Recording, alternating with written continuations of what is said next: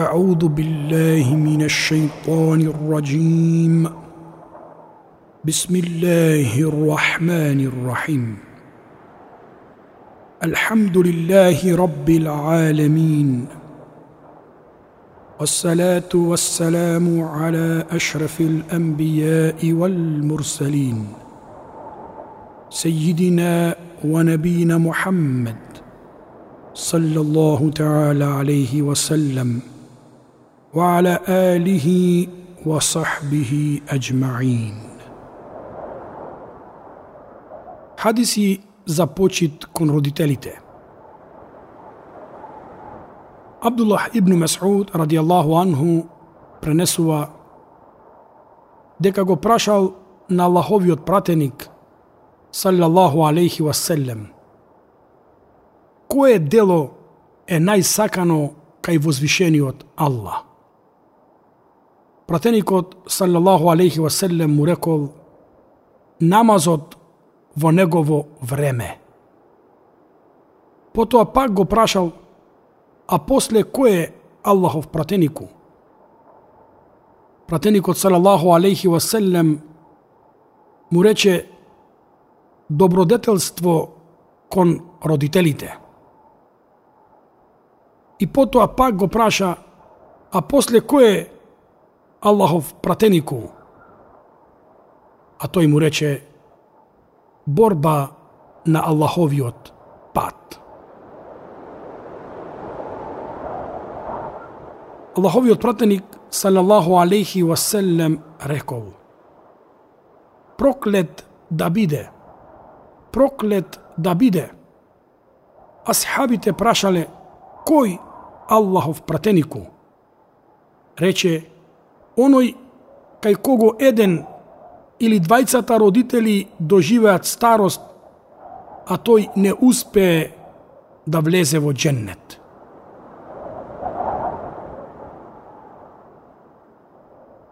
Ебу Хурейре пренесува дека Аллаховиот пратеник саллаллаху алейхи васелем рекол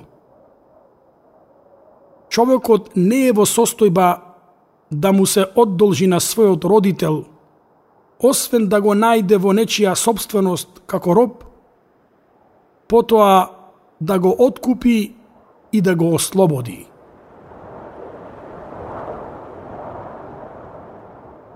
Аллаховиот пратеник саллаллаху алейхи васелем рекол Кој ќе тргне на работа со цел да ги издржува своите родители, тој е на Аллаховиот пат – кој ќе тргне на работа за да ја издржува својата фамилија и тој е на Аллаховиот пат. Кој ќе тргне на работа за да се сочува себе си од питање и тој е на Аллаховиот пат.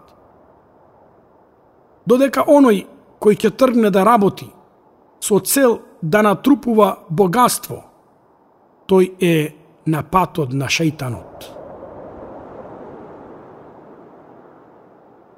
Аллаховиот пратеник саллаллаху алейхи васелем рекол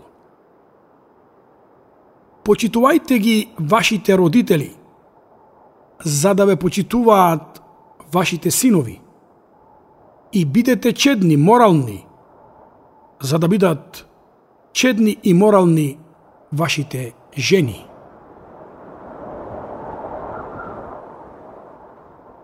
Асхабот Муавије ибн Джехим дошол кај Аллаховиот пратеник саллаллаху алейхи васелем и му рече Аллахов пратенику, сакам да излезам во борба на Аллаховиот пат. Па дојдов да се консултирам со тебе. Пратеникот саллаллаху алейхи васелем му рече Дали имаш мајка? Рече да тогаш пратеникот салаллаху алейхи васелем му рече биди покрај неа, почитувај ја својата мајка, бидејќи дженнетот е под незините нозе. се пренесува дека Абдулах ибн Амр ибн Ас ради Аллаху анху рекол Еден човек му се доближи на Аллаховиот пратеник салаллаху алейхи васелем и му рече Ти давам заклетва за хиджрет и джихад. Надевајќи се на наградата од Аллах Пратеникот салаллаху алейхи васелем рече Дали ти е жив еден од родителите? Човекот одговори Да, двајцата се живи. Пратеникот салјаллаху алейхи васелем му рече Дали ти на вистина посакуваш награда од Аллах? Да, одговори човекот тогаш врати им се на своите родители, внимавај на нив и однесувај се убаво кон нив, рече пратеникот, салјаллаху алейхи васелем. Во друг ривајат, кој го пренесува имам Бухари, стои. Дојде еден човек кај Аллаховиот пратеник салјаллаху алейхи васелем и побара од него дозвола да оди во джихад. На тоа пратеникот саллаллаху алейхи васелем го праша. Дали ти се живи родителите? Да, одговори човекот. Аллаховиот пратеник саллаллаху алейхи васелем рече Врати се кај нив – твојот джихад е да бидеш покрај нив.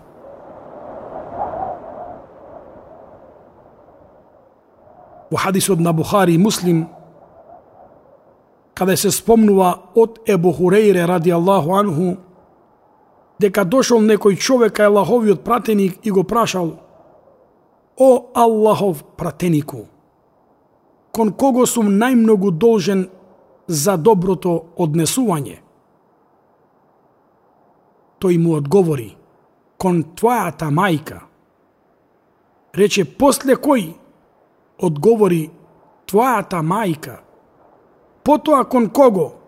Пак му одговори, твојата мајка. Потоа кон кого? На крајот, пратеникот саллаллаху алейхи васелем му одговори, кон твојот татко. Три пати кон мајката и по четвртиот пат кон таткото.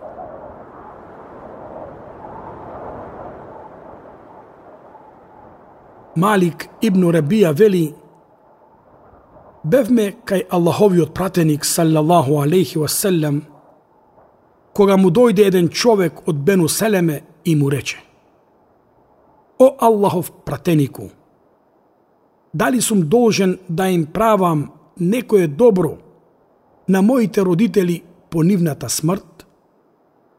Да, му рече пратеникот саллаллаху алейхи васелем. Да го молите Аллах да ги обсипе со своите благодати, да им ги прими нивните добри дела, да го молите да им ги прости нивните гревови, да го исполните нивното ветување што го оставиле додека биле живи – да ги одржувате роднинските врски кои вашите родители ги одржувале и да ги посетувате нивните живи пријатели. Додека Ибн Хибан додава, човекот рече, колку е ова многу и добро. Пратеникот му рече, тогаш примени ги во дело.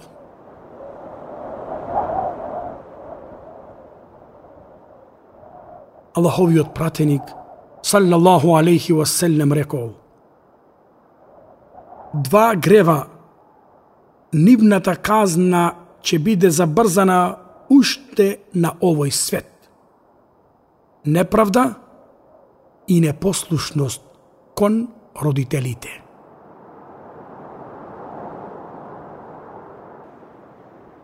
Пренесува Табарани од Ебу Умаме – дека пратеникот салаллаху алейхи васелем рекол На тројца Аллах нема да им го прими ниту фарзот, ниту на филето. Ниту задолжителниот ибадет, ниту доброволниот. Тие се непослушниот кон своите родители. Оној кој приговара на своето дело и оној кој го негира кадерот, Аллаховата предодредба.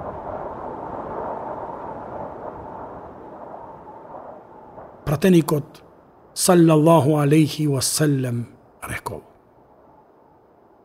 Кој посакува да му се продолжи животот и да му се зголеми неговиот риск, нека ги почитува своите родители и нека ја поврзува својата роднина.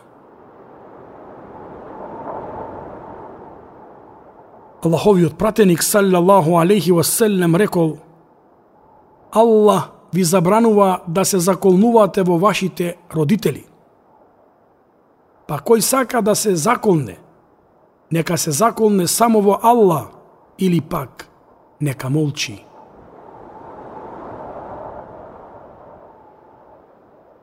Се пренесува од Ебу Абдурахман Абдула ибн Омер ибн Ел Хаттаб ради Аллаху анхума.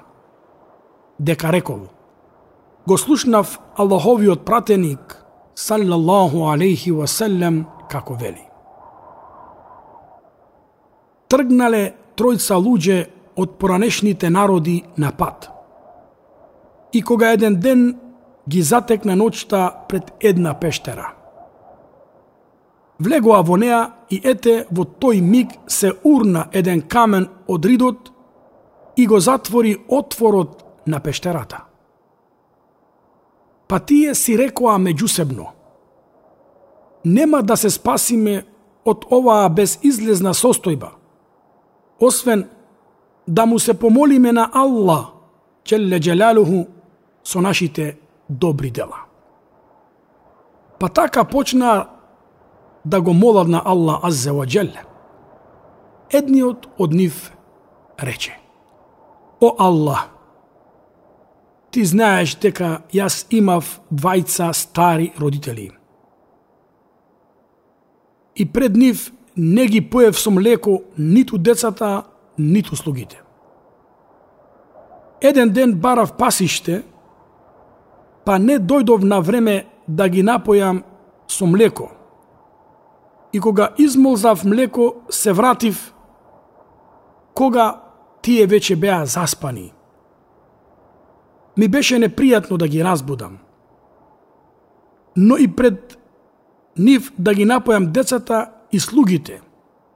И така чекав со садот в раце да се разбудат се додека не се раздени. Дури децата при моите нозе плачеа од глад околу мене. Родителите се разбудија и го испија млекото што им следуваше. О Аллаху мој, ако тоа го направив посакувајќи го задоволството Твое, отстрани го овој камен од излезот на пештерава. Каменот се помести малку, но не толку доволно за да можат да излезат од пештерата.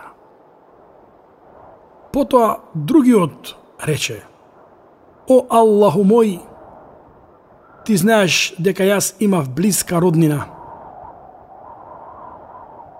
Девојка која ја сакав повеќе од сите луѓе.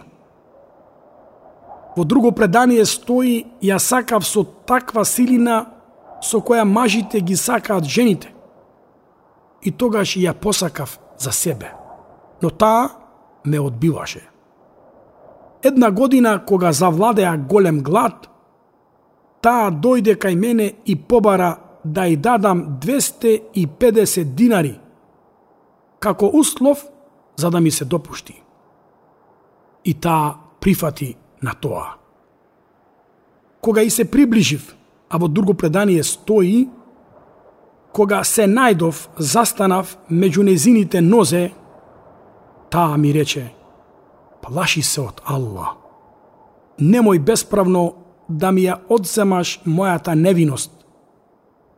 Се тргнав од неа и покрај тоа што ја сакав повеќе од сите луѓе, а динарите, златниците што и ги дадов и ги оставив. О, Аллаху мој, ако тоа го направив посакувајќи го лицето Твое, отстрани го овој камен од излезот на пештерава. Спаси не од оваа неволја во која се наоѓаме.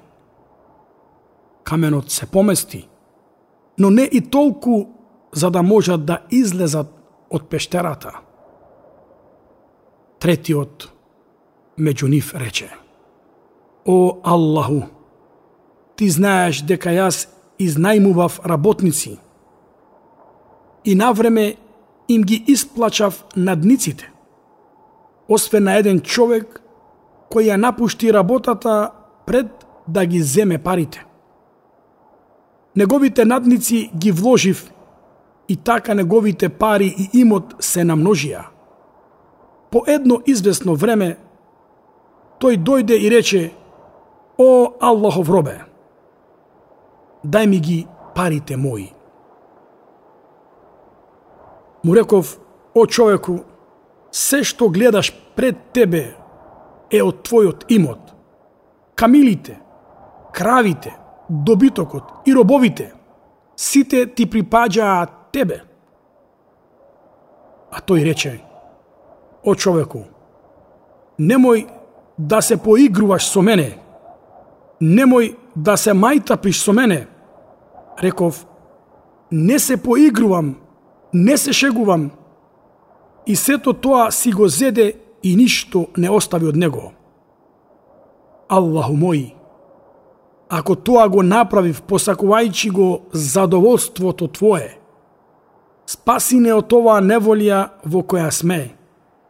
Острани го овој камен од излезов на пештерава.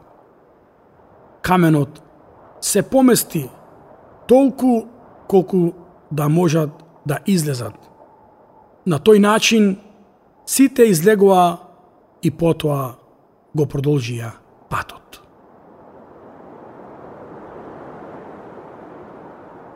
Ебу Дерда ради Аллаху анху раскажува дека му дошол еден човек и му рекол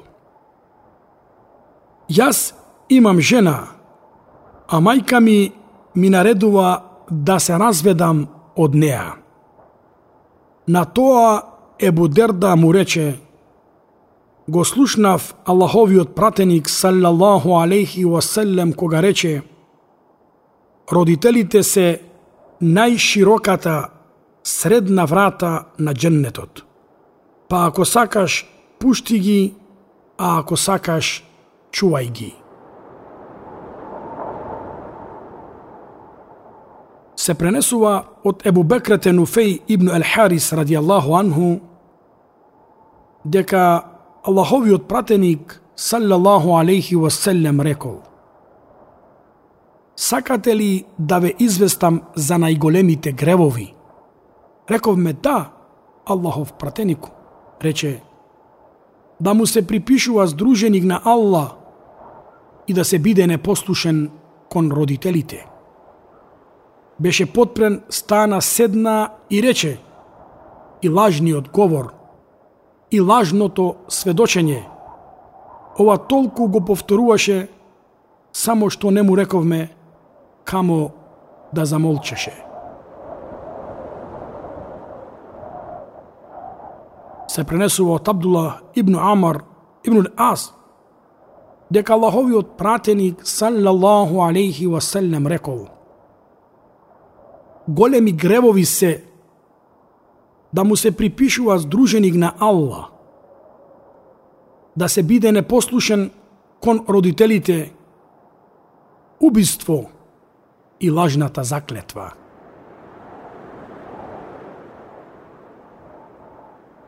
Абдуллах ибн Амар ибн Ас радијаллаху анху пренесува дека Аллаховиот пратеник саллаллаху алейхи васелем рекол еден од најголемите гревови е човекот да ги пцуе, навредува своите родители.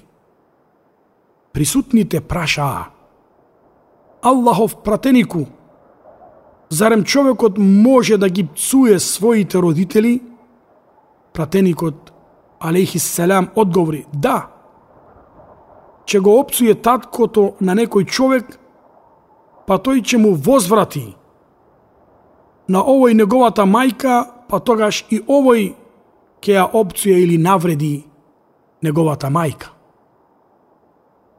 Во друга верзија се наведува еден од најголемите гревови е човекот да ги проколнува своите родители. Присутните прашале Аллахов пратенику, како може човек да ги проколнува своите родители? Пратеникот, алейхи салам, одговори, така што ќе навреди нечи татко, па тој ќе го навреди неговиот татко, или пак неговата мајка, а тогаш и овој ќе ја опција или навреди неговата мајка.